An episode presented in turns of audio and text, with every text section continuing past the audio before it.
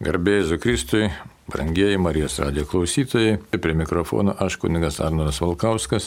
O pirmiausia, šią laidelę, prieš komentuodami toliau katekizmą, kalbėsime apie maldą. Pirmiausia, pasimelskime. Vardant Dievo Tėvų ir Sūnaus ir Šventosios Dvasios. Amen. Vienas trybė Dieve, tu mums davė gyvenimą, kad mes iš tikrųjų tą gyvenimo mokyklą eitume, tave pažintume, tavo garbę, didingumą, tu esi begalinis Dievas, o mes tavo kūriniai, tuo pačiu menki ir tuo pačiu labai nuostabus, gražus, nes tu sukūrė mūsų savo garbiai, savo meiliai parodyti, sukūrė pagal savo paveikslą ir panašumą. Tai šitos laidelės te pasitarnauja, kad atrastume savo tapatumą, savo tikrąjį kelią, atrastume savo pašaukimą, tavo gerumą, savo dvasios grožį kylant iš tavęs ir laimėtume amžinai gyvenimą. Vienas trybė Dieve, to prašom per Kristų, mūsų viešpatį. Amen. Taigi labai svarbu maldos gyvenimas, labai svarbus yra apie tai katekizmas, pirmas poskiris čia, maldos apreiškimas, visuotinis pašaukimas melstis. Na ir dar galėtume tokių gražių pasakyti dalykų apie maldą. Čia aišku, apie maldą ta tema yra neišsėmiamas įvairių maldos rūšių ir, ir, ir, ir kaip sakyti, vienas paliesim, kitas gal apleisim. Bet e, mintis kokia yra pagrindinė, ne?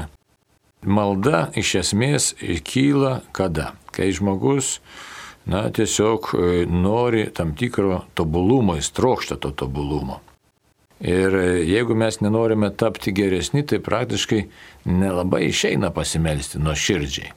Nes tada žmogus jis turi kažkokių ten antrinių tikslų, antrinių minčių, o tuo tarpu malda kviečia tokį visiškai na, gryną santykį su Dievu ir žmogus automatiškai atsistoja prieš begalinį Dievą, jaučia, kad ne visai viskas su manim gerai, bet taip pat jeigu tikra malda, tai žinom, kad Dievas mus be galo myli ir nėra reikalo savęs ten niekinti ir pjauti, tiesiog yra noras būti panašiais į Dievą, kad Dievas vestų, kad padėtų jo valią vykdyti. Ir kitas dalykas, kad maldoj mes tiesiog, na, pati maldos egzistencija, struktūra suponuoja, kad mes turim tam tikrą sampratą apie Dievą, turim tam tikrą supratimą apie Dievą, turim tam tikrą supratimą apie save pačius, kad egzistuoja ryšys tarp Dievo ir žmogaus, kad egzistuoja ryšys žmogaus su pačiu savimi, kad žmogus save išgyvena, savo tapatybę išgyvena tam tikrą, geriau, blogiau suprasta, bet išgyvena. Taip pat e, suprantame, kad malda yra pakvietimas mūsų valią padaryti panašią į Dievo valią, kadangi Dievas yra kuriejas ir atbaigėjas.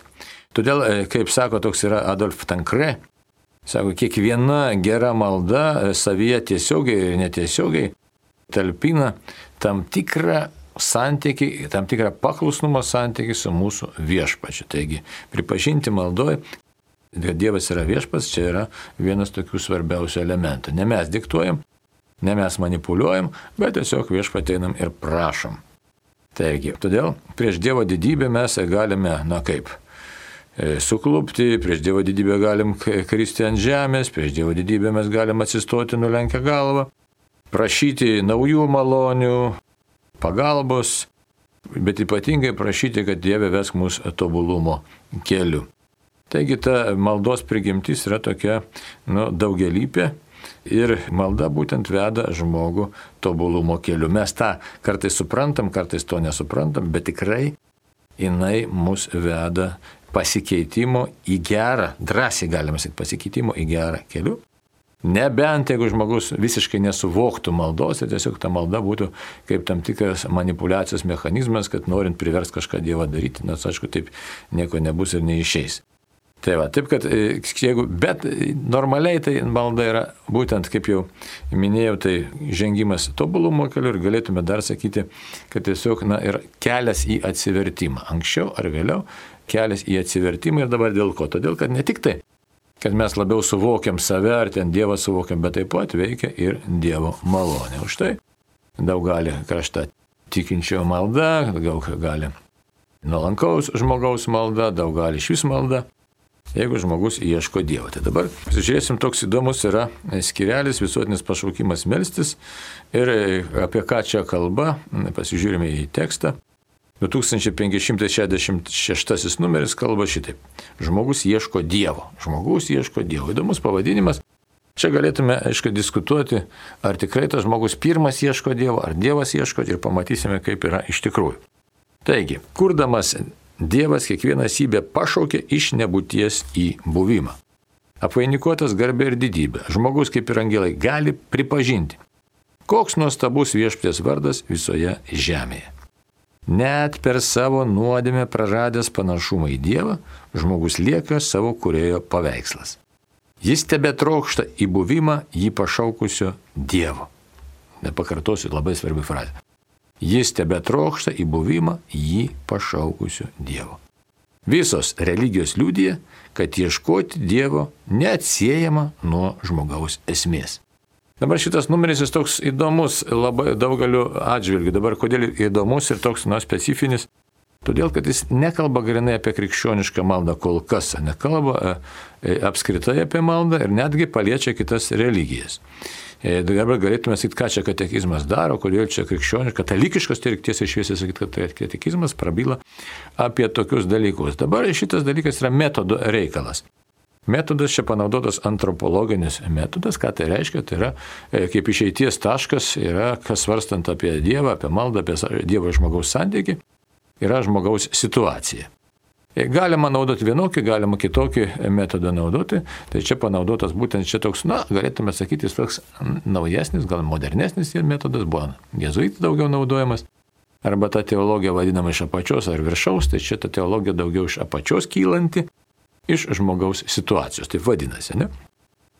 Bet, e, aiškiai, žmogus ieško Dievo. Ieško jis ar neieško, ne? Tai dabar šičia atsakymas iš esmės iš karto, kad žmogui pačioje esmėje, buvimo, būties esmėje įdėkta Dievo ieškoti, kam jis be priklausytų. Kaip jis paskui Dievo ieško, kaip jis įsivaizduoja paskui tą santykį su Dievu, ar kaip jis ten ta prasme, e, realizuoja tą santykį su Dievu. Čia jau yra kita tema. Bet katekizmas užgriebė tokį labai platų e, kontekstą, tai yra pačią žmogaus, nusidėjusio žmogaus situaciją. Dabar kodėl labai svarbu dar prabilti ir apie Dievo kurėją ir apie nusidėjusių žmogų. Pirmas dalykas, labai svarbus momentas irgi mums visiems reikia pastovi ir pastovi prisiminti. Buvo momentas, kai manęs nebuvo. Buvo, ne, absoliučiai visų žmonių e, gyvenime. Tačiau Dievo plane mes buvom nuo amžių. Kaip sakyti, na, mums jau čia paslaptis visiška, bet Dievo plane mes visą laiką egzistavom ir Dievas buvo nutaręs mus visus pašaukti vienokiu ar kitokiu būdu. Leisti mūsų tėvams dalyvauti kūrybos procese. Čia, aišku, galima irgi diskutuoti, ar žino Dievas mūsų genetiką ar ne genetiką. Ne. Iš vienos pusės Dievas visažinis, iš kitos pusės Dievas leidžia dalyvauti ir atsirasti visokiams ir, ir sunkiems atvejams, ir apsigimimas ir, ir taip toliau.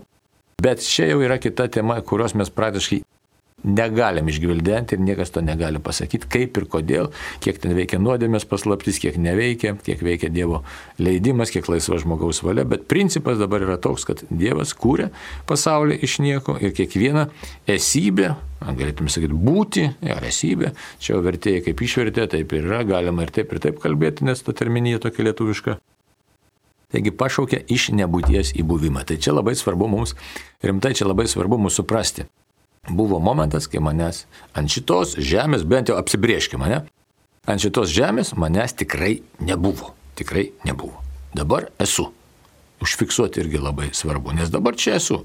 Kartais gali atrodyti ne dėl nuovargio ar dėl kokių kitokių sutrikimų, ar panašiai, kad čia aš egzistuoju, čia neegzistuoju, dėl pergyvenimų dėlių, ne žmogui visokių ateina pojūčių. O, bet iš esmės esu, kaip čia besijauščiau, ar čia skauda ar neskauda, Ar čia labai laimingas ar nelabai, ar visai nesijaučiu laimingas, ar išbandomas visokių išbandymų, bet čia šiandien esu pašauktas iš nebūties į buvimą. Tai atsiradau ne bet kaip, dabar kodėl tas labai svarbu, bet kurėjo valia. Atsiradau kurėjo valia. Šitoje vietoje kalbam iš tikrųjų santykė su malda apie tą, ką minėjau prieš tai, kur Adolfo Tankre ten tokias mintis šiek tiek padėščiau, tai yra mintis, kad būtent Dievo kurėjo valia, jeigu atsiradau, tai reiškia, kad mano santykis su Dievo kurėjus kaip su viešpačiu, nes būtent čia pagrindas yra. Nes ne aš manipuliuoju, ne aš tvarkau šitą pasaulį, ne aš čia esu viešpats, Dievas yra viešpats. Toliau, kitas dalykas, sekantis, na, čia toks katekizmo net turinį dėstymas, jis, na, pakarto, atkartoja tikėjimo tiesas, bet jis labai fundamentales tokias atkartoja. Kodėl? Kad žmogus atrastų savo tapatumą ir tam santykiai su malda, jeigu mes nerandam tikro savo tapatumo, tai ta mūsų malda gali pakrypti į, na, tokias deviacijas įvairiausias, kaip sakyt, nukrypimus. Tokius įgaut gal tokių kartais ir nereikalingų formų arba, nu, kenksmingų gal nepasakysi, bet Malda visą laiką yra malda melsis gerai, tačiau e, galbūt jinai gali nukrypti nuo savo pagrindinio tikslo. Ne? Tai dabar apvainikuotas garbė ir didybė žmogus. Apvainikuotas garbė ir didybė. Ne bet ką sukūrė, reiškia Dievas. Šitoje vietoje labai svarbu, labai svarbu irgi įsidėmėti reikia, nes Mūsų priešininkas piktoji dvasia visą laiką mums meluoja, visą laiką meluoja. Ar mes kalbėsim apie savo psichologinius kompleksus, ten nepilnavertiškumą, išgyvenimus, visi mes jų turim, visi turime iš tikrųjų. Nėra tokių žmonių, kur neturėtų kažkokiu tai. Tai šitoje vietoje labai svarbu suprasti, kad tas melagis mus meluoja, meluoja, meluoja ir nori iš mūsų išplėšti tai, ką Dievas kuriejas sukūrė. Tai šitoje vietoje mes esam kovos laukia. Kovos laukas, nepaliaujamas kovos laukas, kad štai aš esu Dievu, Ir štai yra piktoji dvasia, e, kuri man meluoja, kad aš esu niekas. Taip, kai aš dulkelė su kosmoso platybėse, visiška dulkelė, ne? Tačiau turiu nemirtingą sielą, kuri panaši ir sukurta pagal Dievo paveikslą ir panašumą. Tai yra e, kurėjo valia ir taigi aš esu apvainikuotas garbė ir didybė. Šitą vietą matot labai įdomus dalykai, nes paskui, jeigu kalbant toliau apie maldą, kalbam apie nusižeminimą arba nuolankumą ir e, kartais žmonės neteisingai mes įsivaizduojam, kad šitas nuolankumas, nusižeminimas, kažkoks savęs ten niekinimas, arba girdim apie šventųjų gyvenimus, jie sako, aš esu niekas. Taip ir yra. Ir tuo pačiu momentu žmogus yra apvainikuotas garbė ir didybė. Kas pirmiau? Aišku, garbė ir didybė. Nes Dievas sukūrė mus pagal savo paveikslą ir panašumą. Kad aš savo veiksmuose, savo nežinojime, neišmanėme, pridarau klaidų, tai čia, aiškiai, kita tema yra, ne? Tai čia mano menkumas yra. Ir kad aš kūrinys esu menkas, tai šitoje vietoje yra kita, ta prasme, mūsų tas nuolankumas ir nusižemimas reikalingas pripažinti pasaulio tvarką, kurioje aš esu išaukštintas būtent viešpatės Dievo. Aš išaukštintas todėl, kad Dievas to norėjo. Tai šitoje vietoje štai su kurėjo ir kūrinio santykis, bet jisai, na, galėtume sakyti, jisai kūrinio naudai. Mūsų naudai, tai tikrai didybei, kurios kažkaip nepavyksta mums jos išlaisvinti tos, tos tikrosios laisvės dvasios, kad Dieve aš esu tavo, įsivaizduot, aš esu tavo. Aš kalbu teoriškai, net tą nelengva padaryti praktiškai. Sakysim, vėžys pjauna, ar dar kažkas ten vyksta, ar nesiseka santykiai ir panašiai. Bet Dieve, aš esu tavo. Jeigu mes šitą suvoktume, kad čia katekizme parašyta, dinktų dabar labai daug mūsų bėdų, ne? Ir mano, ir jūsų dinktų visokie ten išgyvenimai, skausmai, ambicijos ir panašiai, nes labai daug kas prarastų prasme. Dalykai, kuriuos mes sureikšminam ir kuriems teikiam prasme. Na, bet esam kokie esam, tačiau reikia žvelgti katekizmą už tai, kas mums kalba tiesą, kalba tai, kas yra baziniai dalykai ir neretai pakartoja, tik tai kitų kampų dabar apie maldą kalbant, pakartoja vėlgi tą žmogaus išaukštinimą, mes jį prieš tai turėjom dar kažkur, tai čia ne apie žmogaus sukūrimą. Bet mums galėjo neįstrikti tie dalykai, nes kai būtent maldoje žiūrėkit, ką mes darom. Mes prašom, prašom, prašom, užtariam artimuosius ir taip toliau. Bet neretai toj maldoje mes ir nepasitikim tą maldą. Neretai nepasitikim. Kodėl nepasitikim? Vėlgi senasis melagis meluoja ir sako, Dievas tavęs negirdė. Tu per menkas kalbėti su Dievu, tu esi niekas, tu esi šiukšlė, tu esi prisišiukšlinės.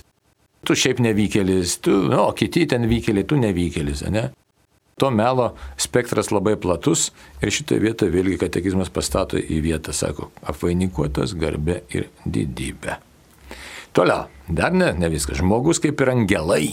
Įsivaizduojat, kaip ir angelai, tai mums tas angelų pasaulis menkai pažįstamas. Angelai pasiuntiniai, kurie tobulai vykdo Dievo valią, bet jie jau apsisprendė angelai, jie laisvi jau dabar nuo bet kokio išbandymo, jie absoliučiai tarnauja Dievui ir tai, kas mūsų siekėmybė, nes mūsų siekėmybė būti Dievo artumai, angelai jau turi šitą. Nes jų išbandymo laikas baigėsi, dabar jie lieka tarnauti Dievui visų savo buvimu visą amžinybę. Tai štai, žmogus kaip ir angelai gali pripažinti, gali pripažinti. Šitoje vietoje mes jau skiriamės nuo angelų. Angelai pripažino, kad Dievas yra nuostabus, žmogus turi galimybę. Tai pasirinkimo laisvė išlieka. Taigi nuostabus žmogus, panikuotas garbė ir didybė, tačiau dar jisai yra tam tokiam pasirinkimo laukia, tas pasirinkimas yra labai radikalus, nes jisai lemia amžiną gyvenimą. Taigi, bet ką jis gali pripažinti? Koks nuostabus viešpės vardas visoje žemėje. Koks nuostabus viešpės vardas visoje žemėje. Čia aišku remiamės psalmę.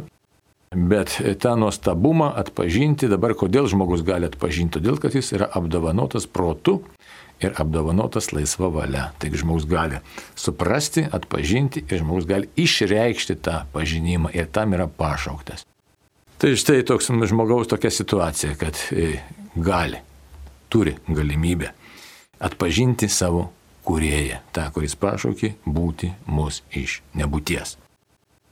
Dabar dar jau keičiasi mintis, net per savo nuodėmę praradęs panašumą į Dievą. Liūdna gaida, bet jinai yra tokia realistinė. Per nuodėmę praradom panašumą į Dievą. Tai, kas mus iškėlė, iš tikrųjų, jeigu pagal šventą raštą žiūrėtume, kaip sako, ne ką mažesnį už angelus, apvainikavai garbė ir didybė viešpatė mus, tas žmogus per savo nuodėmę save įstumė, na, į tokį, į praradimo būseną, į tą tokį, tiesiog, na, labai negerą e, stovi.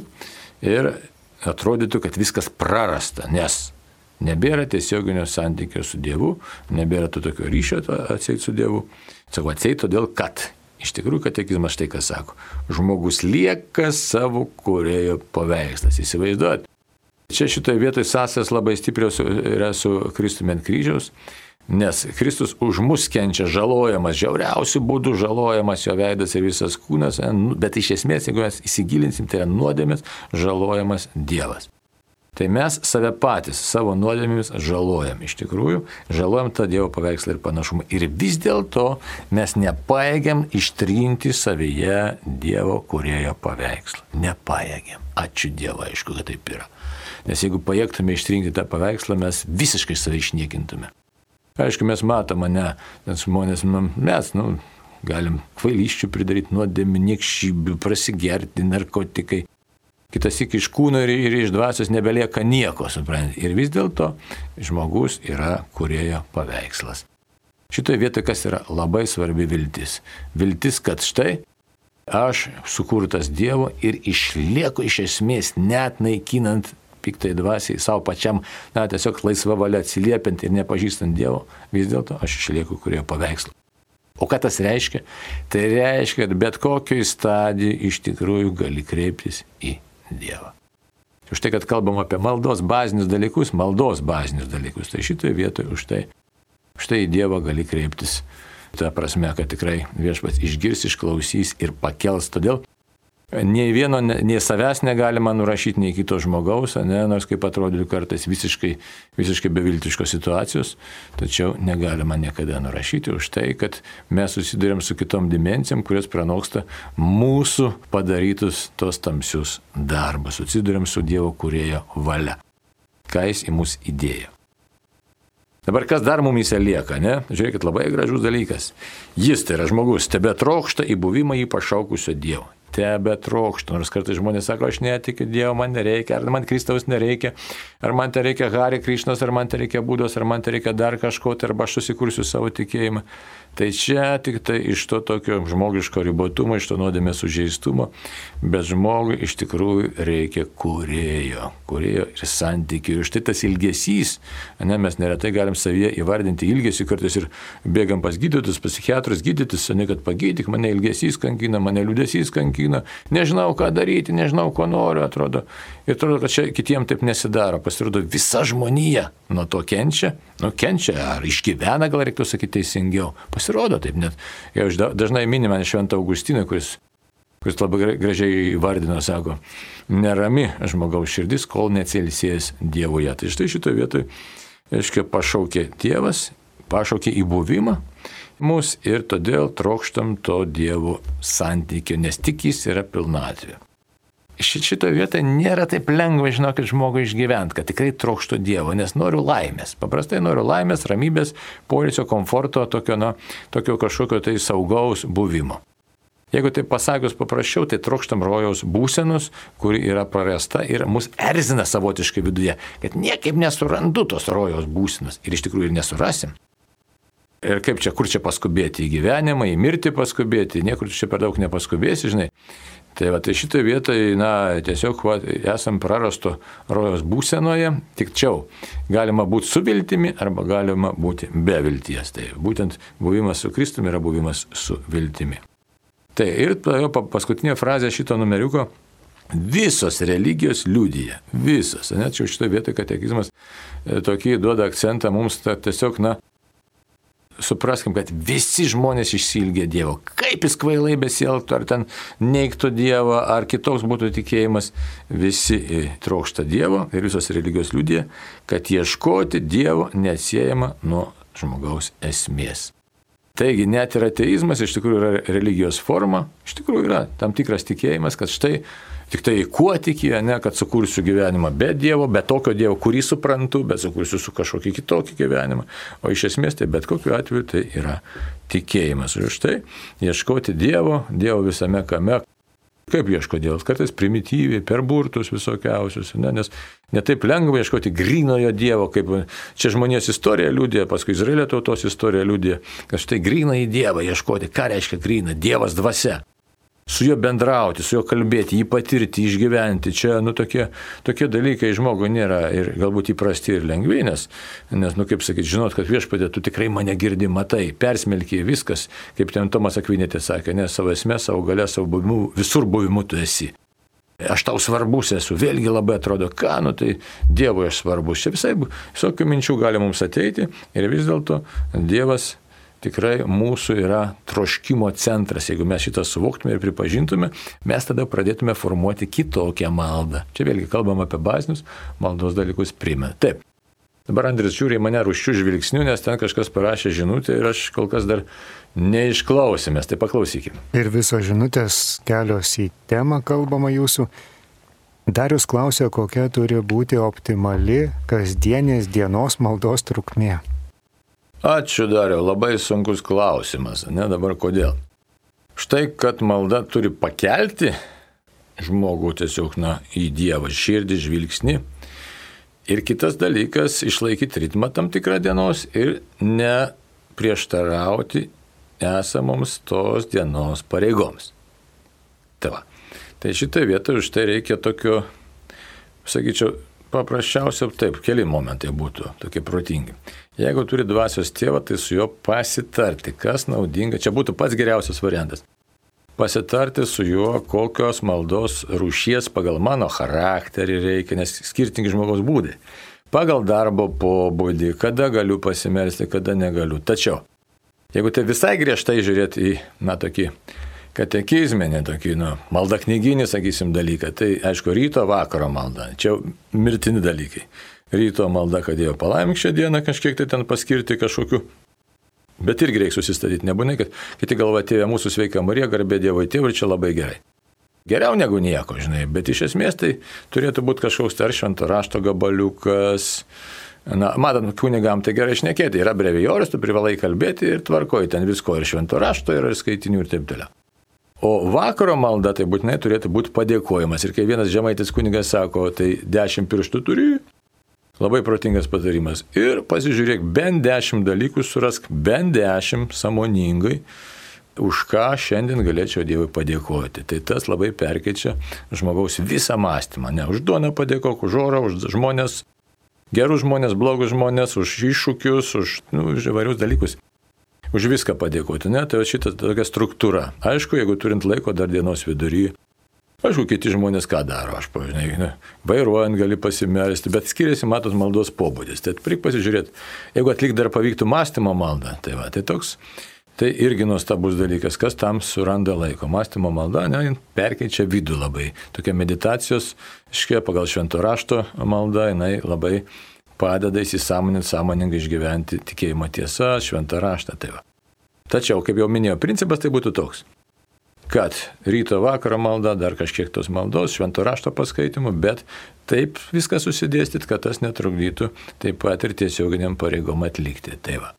Dar toks, nesakysim, atrochizos to mane tokia mintis ir paskui Ignacio Lojolas, bijau pameluoti. Kartais, reiškia, gali būti artimo meilės darbas svarbiau už maldą. Iš tikrųjų. Tai va, jeigu reikia atlikti artimo meilės darbą, čia dikumų tėvai tą sako, tada galima ir apleisti tą savo maldos struktūrą. Tačiau struktūrą pasistatyti ir pasižiūrėti, pabandyti. Vieną kartą tokią pabandyti, kitą kokią pažiūrėti, kaip sekasi, nesiseka, nebijotis pavarijuoti. Va. Nes iš tų dikumų tėvų ir, aiškiai, mintis tai tokia, kad neprisirišti labai stipriai prie vienos maldos formos, ne čia daugiau kalbų pasauliečiam, kurie nekalba brevijorius. Tai. Nes brevijorių ten yra kita sistema, ten jau yra psalmių, aišku, ten vėl vienuolynai turi daug kokią tikslą, pavyzdžiui, per mėnesį ar per savaitę. Čia priklauso nuo, nuo regulos sukalbėti visą 150 psalmę. Tačiau kita maldos mokykla. Tai va. o šiaip žmogui, šeimoje gyvenančiam, su šeima pasimelst. Nu, tai čia užsivedžiau tiek, bet, bet čia labai svarbus klausimas, daugas gal klauso. Tai pagalvoti, kaip galėčiau su šeima pasimelsti, ne? Teko įvairių dalykų matyti, ne? Tai šitoje vietoje, sakysim, šito tėvo, nu, opus dėjai, Pedro Pich sesuo ten 15 vaikų turi, tai jie labai įdomiai meldžiasi. Vakarais kalba rožančių, bet tas rožančius kalbėjimas su ten tais, kiek ten tų vaikų dabar jau namuose likę 13, 12 ten. Iš tų 15 ir kiek ten jų. Tai, tai jie kalba tą rožančių, tie mažiukai ten laksto, žinai, didesnį kalbą, bet, bet, bet svarbu, kad šeima buvoja kartu ir visi kalbėtų su kalbu vieną dalį rožančius. Taip kad čia toks yra kūrybinis, sakyčiau, procesas, bet mintis kokia kelt širdį Dievą savo ir artimųjų. Nu, tiek. Dabar žiūrim toliau kas. Taip pat klausimas, kaip pasiekti teisumą darbais, kai esi pasirinkęs tarnystę šeimai ir kai kitkam nebelieka laiko be šeimos ir vaikų. O, ačiū, tik jūsų darbas yra šeima. Dabar taip, labai įdomus klausimas šiaip iš esmės. Pirmas dalykas - išganimo, ne? Labai čia įdomi, čia kartais protestantiškos bendruomenės įpjauna katalikus, nesuprasdami, kad Šventas raštas aiškiai sako, išganimą pasiekim ne teisumo darbais, bet iš malonės. Tačiau, kaip Jokūbo laiškas sako, jeigu nedarai teisumo darbų, išganimų nepasieksi. Kodėl nepasieksi? Dėl kad neatsiliepi malonį. Tai darbai tai yra atsiliepimas gautai maloniai ir ypatingai meilėje, ne? Tai, va. tai dabar prioritetai kokie? Prioritetai paprasti yra, ne? Tai pirmoje vietoje Dievas, antroje vietoje žmona arba vyras, kas ten. Ir vaikai. Tada darbas visumoje šeima, kaip gali realizuoti kažkiek tai, kiek ten gali to artimo meilės darbų. Dabar žiūrėkit, galim paliesti tokį klausimą, kartais lietuvius apkaltina, čia žydus šaudė ir panašiai, iš tikrųjų visiškai neteisingi kaltinimai. Labai daug lietuvių gelbėjo žydus ir vienas žydas čia mano tėvo pažįstamas aiškiai pasakė. Sako, man tėvai pasakė, jeigu tau kas gyvenime bus blogai, tai bėg, reiškia, pas tikinčius žmonės, ypač pas kunigą sakė, ir taip ir dar, ir išgelbė, reiškia, Tai va, tai dabar tas, kodėl aš tą kalbu apie šeimą, ne? Vyksta ta formacija šeimoje ir jin duoda vaisių. Čia ir dabar duoda vaisių, duoda vaisių ateičiai, duoda vaisių amžinybei. Ir duoda vaisių kitiem gyvenimam. Tu, atsakysim, dabar konkrečiai paminėjau tą žydų gelbėjimą, ne? žudimo holokausto metu, tai būtent gelbėjo tie, kurie išgirdo tą gerą naujieną savo šeimose, savo parapijoje, išgirdo ir to gyveno. Tai va. Tai šitoje vietoje už tai tas geras darbas. Tai čia pirmas dalykas išauklyti savo šeimą teisingai, ne? su ją bendrauti, dėmesio skirti, meilę parodyti, nuoskaudas nugesti, tai paskui pakalbėti ir tą šeimą mokyti mertimo meilės darbų. Tai čia tiesiog beribis laukas yra. Tai, va, tai čia bus jūsų iš tikrųjų pašaukimo realizavimas pilnas, kaip sakytų, jeigu dar čia šalia kažkas pasitaiks. Vaikai užauks, neišeis vaikai, tai vėl bus kiti iššūkiai, tada jau galima kažką kitur daryti, nu žodžiu. Čia nėra tokio juoda balta sudėsti į lentynėlės ir dabar čia šiek tiek tai šitaip. Tai. Patarimo klausimas sergant depresijos lyga, kokia tinkamiausia geriausia maldos forma? O, labai ačiū už klausimą, kaip tik šiandien su vienu psichiatru kalbėjom, gal tur laidų reiktų padaryti dar. Pažiūrėti, kaip čia ne, tai aišku, kas sako depresija, energijos trūkumas. Taip grubiai šnekant, čia grubiai taip, ne? Neaišku, kodėl tos energijos pritrūko.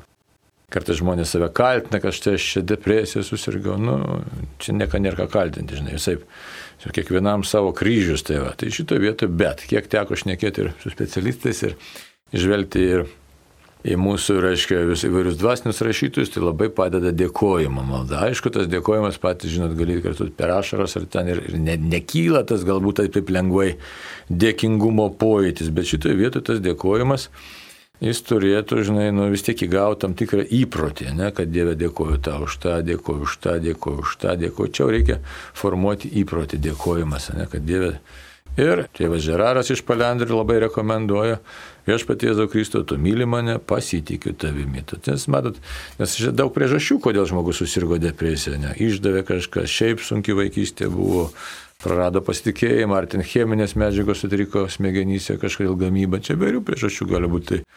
Ir to priežasčių vairiausių, tai čia tokio galbūt vieno sprendimo nėra, tačiau maldos forma tai iš tikrųjų dėkojimas ir prašant pasitikėjimo Dievė, kad tu tikrai mane myli. Nes ne, labai nelengva, ne, kas žino depresijos ir nueiti, tiesiog nuklysti į tokį visišką nusiminimą, nusivylimą, į tokį juodulį visiškai, nes tiem, kurie to nepatyrė, tai jie net ir nežino, kaip tie žmonės jaučiasi, o tie žmonės jaučiasi kaip juos, kad būtų kokia, nu, baisi tam, net netamsa, sakyčiau, net netamsa, toks juodulys užspaudęs, visas pasaulis juodas, net tam žmogui taip atrodo. Tai jam labai sunkus išgyvenimai ir sutrinka ta net, nu, sakykime, aš nežinau, kaip čia pavadinti, vidinė orientacija ar žvilgsnis į pasaulį sutrinka toks. Vat, ir, ir šitoje vietoje, aišku, tas mano pasakymas, kad štai dėkoti irgi yra didžiulis iššūkis, ne, pabandyti žmogui dėkoti už artimą, už bandymus, už įvairius dalykus, čia kaip prisirenka kitom lygom, ne, kokį vėžį, ne, žmogus dažnai minima ne vėžys, ne tokia baisoka formulė čia yra, kad jeigu vėžys, tai mirtininkas, ne. Visi mes mirtininkai iš tikrųjų tai. Šiaip dėkojimas iš vis visiems tinka, visiems mums tinka, tik tai tiek, kad mūsų arogancija dažnai neleidžia dėkoti Dievui, nes noriu dar, dar, dar kažko tai noriu. Na, o aš sergančiam depresiją, jau ten jam nieko nesinori, tik nori dingti galbūt net neretai iš šito pasaulio, ar dingti iš vis iš vis, ar pas nežino, kur dingti, ar ką jam čia daryti. Ir vis dėlto tas tada toks, nu, Labai gerai irgi tas tada būtų, Dieve, tu myli mane, vis dėlto tu mane myli. Tai šitoje vietoje, ne tas sutrikęs toks žvilgsnis į save, tai nuvertinimas labai dažnai. Labai savivertė sutrikus, daug mūsų žmonių sutrikusią savivertę, matot, nepatiria meilės šeimose. Nepatiria meilės šeimose ir taip tėvam atrodo labai daug tėvų egoizmo, bet aišku, iš kur tie tėvai duos tos meilės, jie patys nepatyrė, to tęsiasi to tokia, tokia kaip sakytų, užburtas ratas toks drįščiau sakyti, nenoriu to žodžio sakyti, bet savotiškai prakeiktas ratas, ne? Nes jeigu tu nepatyrė meilės ir neduodi kitam meilės, nu tai kieno čia kalba yra. Tai. Čia piktosios dvasios tokia kalba. Tai va, tai. Ar dar turim kokių klausimų? Nebeturim klausimų. Tai dabar dar galim kelios minutės yra nepasižiūrėti iš tikrųjų apie tą maldos prigimtį, ką sako, aišku, iš tikrųjų, ką tai reiškia, žinai. Tai porą tokių minčių ypač pasirėmė Tadolfų Tankrė, tiesiog prie, papildyti katekizmą, kas čia pasakyta. Jeigu žiūrėtume į Joną Damaskietį, tai, tai tiesiog tas sielos pakilimas į Dievą, gal ir pritaikysim čia prie jūsų klausimą, žinai, šitos atsakymus, ne? Toks latiniškai ascensus mentis indėjom, tai reiškia toks sielos pakėlimas į Dievą yra malda. Šitoje vietoje irgi prie tos depresijos labai tiktų pabandyti, ne, ne tik žinau, aš sakau, nėra lengvas uždavinys, nes kai žmogus depresijas irgi užspaudžia tai visi išgyvenimai, tai valios pastangų tiesiog reikia ir pagalbos, jam reikia pabandyk pakelti e, sielą į Dievą. Dabar kartais žmonės tai mane ir, na, sakyčiau, kaip čia pasakyti gražiau tie su savo patarimais lendantis į akis sergančiam žmogui neretai tą žmogų tik tai suerzina ir išdirgina. Nes jeigu tu nesupranti to žmogaus situacijos ir pradedi dalinti labai lengvai patarimus, tai iš tikrųjų reikėtų pirmiausia gal pasimels prieš duodant, prieš bet kokį patarimą. Nes labai lengva duoti patarimus ir dabar ką padaro patarimas, aš kodėl čia taip užsivedžiau, nes tikrai labai daug įskaudintų žmonių, sergančių, sunkiai sergančių, dėl lengvabūdiškai duotų patarimų pasako, tu taip daryk, tu anaip daryk. Pats neišmano, pats nepraėjęs tų kančių kelio. Ir tos patarimus žeria, žinai. Tai tu tikėjimo neturi, tai tu pasitikėjimo neturi, tai žinai. Dabar tam žmogui ir taip yra blogai. Jis ten kažkokią sunkę lygą turi, ne? Jam yra blogai. Dar tas patarimas išeina tokiu labai keistu būdu, jis atsist, nu, tiesiog pasirodo kad tu esi nevykėlis, tu nemokė melstis, tu iš vis nieko nesugebi, žiūrėk, koks tu nevykėlis, jeigu tu mokėtum melstis, jeigu tu mokėtum būti Dievo akivaizdai, tau tokių dalykų nebūtų, o dabar iš tavęs nieko gero nėra. O ką, ką mes neretai padarom su savo patarimais, tokiais lengvabūdiškais. Tai šitą vietą iš tai prieš kalbant bet ką, ne, tai pirmiausia reiktų gal pabūti su tuo žmogumi ir mažiau kalbėti. Tiesiog pabūti, pakalbėti apie kasdienius dalykus ir kalbėti visai, visai kitus dalykus, nes nepatarimus duoti, kalbėti apie Dievą, apie kūrinyje, apie tai, kad Dievas savo kūriniu sukūrė, kad jis veda jam žinai gyvenimą, kad jis mums Galbūt, galbūt, ne, jis tikrai turi kažkokį planą, bet jis turi specifinį planą. Tai va, nes čia kaip ir Jobo knygoje, prieš duodami patarimus, pirmiausia paskaitykim Jobo knygą, nepatingėkim, ten labai aiškiai pasakyta. Draugai kaltino Jobą ir davė jam patarimų labai daug kabutėse vertingų. O ką Dievas pasakė? Kad jūs nieko neišmanot, nei vienas, nei tas Jobas, nei tie draugai. Visiškai kitaip ir Dievo vedimas yra visiškai kitos. Už tai čia į tą grįžtant prie Jono Damaskiečio tos minties, kad pakelti širdį į Dievą tai neretai mes turim padėti šalia esančiam žmogui. Ir žiūrėkit, ką mes neretai darom. Labai patarimus lengva dalinti, bet klausimas paprastas. Ar mes pasimeldžiam už tą kenčiantį žmogų? Arba jeigu pasimeldžiam, tai paimkim laikrodį ir pasižiūrėkim, kiek laiko mes už jį pasimeldėm. Ir pasidarys mums gėda.